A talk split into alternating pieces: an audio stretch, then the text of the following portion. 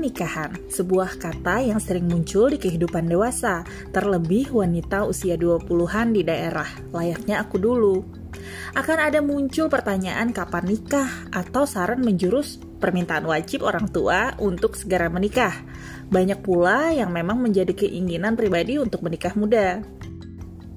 Sepengalaman aku sih begitu, yang kemudian hingga hari ini hampir 11 tahun hidup di pernikahan, usia seumur jagung dengan roller coaster alur ceritanya. Menurut Rani Anggraini Dewi, seorang konselor pra pernikahan dalam buku Untuk Apa Menikah, mengajak pembaca bertanya kembali pada diri mereka masing-masing. Untuk apa sih kita menikah? Sebuah pertanyaan yang sangat jarang, bahkan bisa jadi tidak pernah ditanyakan meski dengan diri sendiri. Aku pun jadi bertanya-tanya pada diri sendiri, mengapa sih aku dulu memutuskan untuk menikah? Jawabannya pasti akan berbeda di setiap orang. Apakah karena lama berpacaran, karena disuruh orang tua, apa karena kadung terlanjur cinta?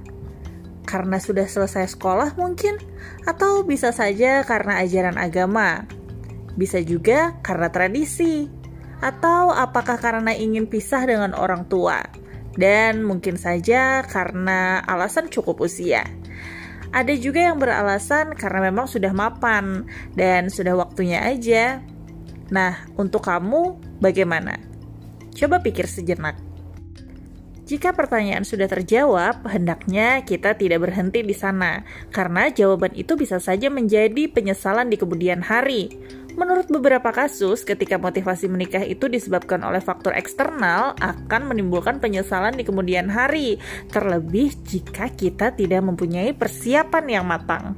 Lah kenapa ada baiknya saat ingin menikah kita harus memikirkan secara matang alasan dari diri sendiri bukan dari orang lain ya dan bukan karena orang lain. Dr. Martin Seligman, ahli psikologi positif, dalam buku Authentic Happiness menuliskan, pernikahan kadang dicerca sebagai belenggu, namun terkadang sebagai kenikmatan abadi. Survei dalam buku ini juga menyebutkan jika pernikahan itu sangat erat hubungannya dengan kebahagiaan dibanding dengan memiliki banyak harta. Jika bisa memilih mana yang paling memberikan kebahagiaan, harta atau pernikahan, sebagian besar memilih pernikahan. Nah, bagaimana menurutmu?